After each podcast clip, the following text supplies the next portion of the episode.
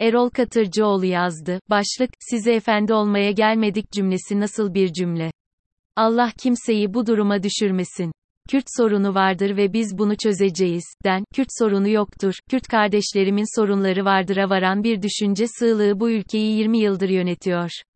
Erdoğan'ın Diyarbakır konuşması için ne diyeceğimi bilemedim. İnsan şaşırıyor 20 yıldır bu ülkede iktidar olan bir partinin genel başkanı bu konuşmayı karşı tarafın nasıl algılayacağını bilmeliydi diye. Ama işte oluyor. Meşhur konuşmasında, yaradılanı yaradandan ötürü severiz.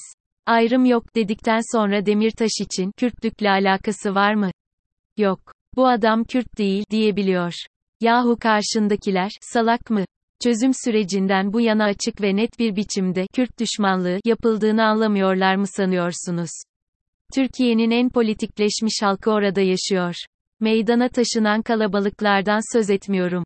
Onları çevre illerden yüzlerce araçla taşıdığınızı görmedik mi sanıyorsunuz? Ya HDP ile ilgili söyledikleri? Bu kadar danışman çalıştırıyor biri çıkıp da radikal demokrasi kavramını ona anlatmadı mı? HDP'nin siyasal vizyonu çağımızın kimlikleşmiş toplumlarında, farklı kimliklerin yaşadıkları sorunları eşdeğerleştirerek bir değişim hegemonyası yaratmak amaçlı yeni bir demokrasi projesi olduğunu kimse anlatmadı mı?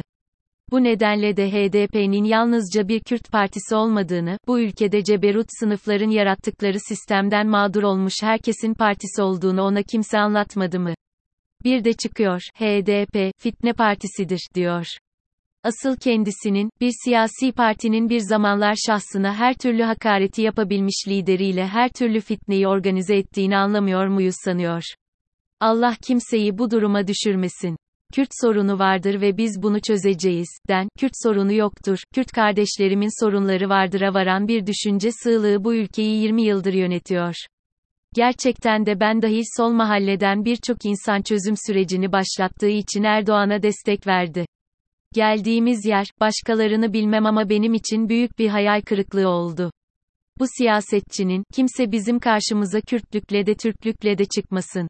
Biz her türlü milliyetçiliği, ayaklarının altına almış bir iktidarız, dedikten sonra, sadece ve sadece, Türk milliyetçisi, olan bir partiyle iktidarı paylaşması bile onun siyasi düzeyini açıkça gösterdi. Artık eveleyip gevelemeyelim. Bu ülkede Kürt halkı var, kendi diliyle, kültürüyle ve tarihiyle yüzyıllardır bu topraklarda yaşıyorlar. Osmanlı'nın iç işlerine karışmadığı yönetim anlayışından, Cumhuriyet kurulurken, vatandaşlaştırarak yönettiği bir halka evrilmiştir. Ama yine tarih açıkça yazıyor ki o zamanlardan bu zamana bu, vatandaş kavramı içinde kendini görmediğini, kendi kimlik talepleri olduğunu söyleyip duruyor.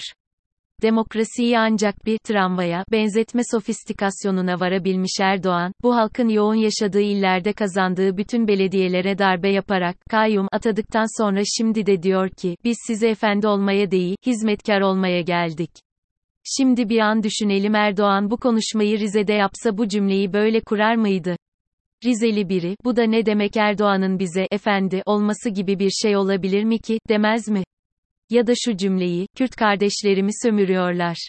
Rizeli biri, hani biz vatandaştık, ne oldu da şimdi kardeş olduk demez mi? Erdoğan'ın dili bile Kürtlerin bir sömürge halk olduğunu açıkça gösteriyor. Kendisinin de bu halkın tepesindeki efendi olduğunu. Türkiye'deki siyaset, yüzyılın çözülmemiş sorunlarının etrafında dönüp duruyor. Bu sorunların çözümleriyle ilgili konuşmalar henüz başladı. Kılık kıyafet, Alevilik, Kürtler ve tarikatlar. Bu konuşmalar bir yere evrilir mi bilmiyorum. Ama sanki halkımız Cumhuriyet'in ikinci yüzyılı başlayacakken bu sorunların da çözülmesini ister gibi. Bilmem yanılıyor muyum?